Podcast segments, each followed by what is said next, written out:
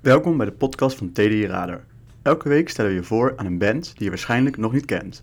Onze radar draait weer op volle toeren en vandaag laten we je kennis maken met The Dandelion. Deze Australische band speelt binnenkort voor het eerst in Nederland en wel tijdens Motel Muziek.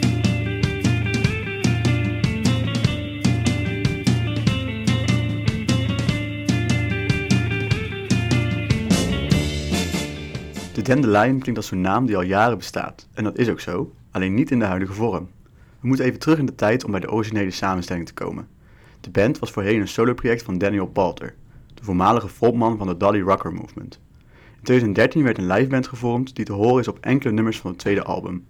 Tijdens de opnames van die plaat, Seeds, Flowers en Magical Powers of the Dandelion, werden alle creatieve taken stilaan overgedragen aan Natalie de Silver. In 2017 begint de Silver te werken aan een derde album, Old Habits and New Ways of the Dandelion. Een titel die meteen aangeeft dat het tijd is voor verandering. Op Spotify is geen spoor te vinden van de vorige albums begint de Dandelion met een schone lei. Maar wel met een behoorlijke live-reputatie die de band opbouwde door te toeren in Australië. De Dandelion als naam voor een band straalt bijna pure flower power uit. Toch is de Amerikaanse band Dandelion een snoeiharde hardrock crunchband. Ook de Silvers voorliefde en grote verzameling van Pakistaanse volkplaten prikkelt onze fantasie. Deze week vullen we jouw playlist aan met een beetje de Dandelion. En dat in de vorm van het nummer Incognito.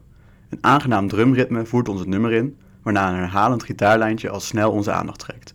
Het zijn echter de vocalen van Natalie de Silver die ons helemaal overtuigen.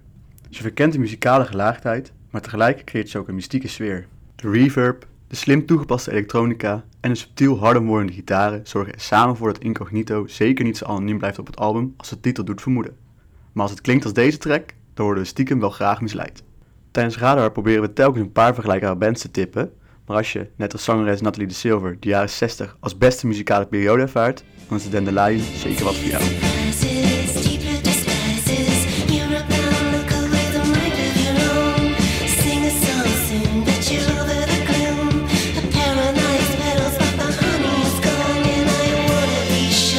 Nog meer verhalen mogelijk maken? Steun ons en word voor per jaar lid van de Daily Indie. Daarbij profiteer je van korting op gigs en kun je meedoen aan exclusieve ledenacties.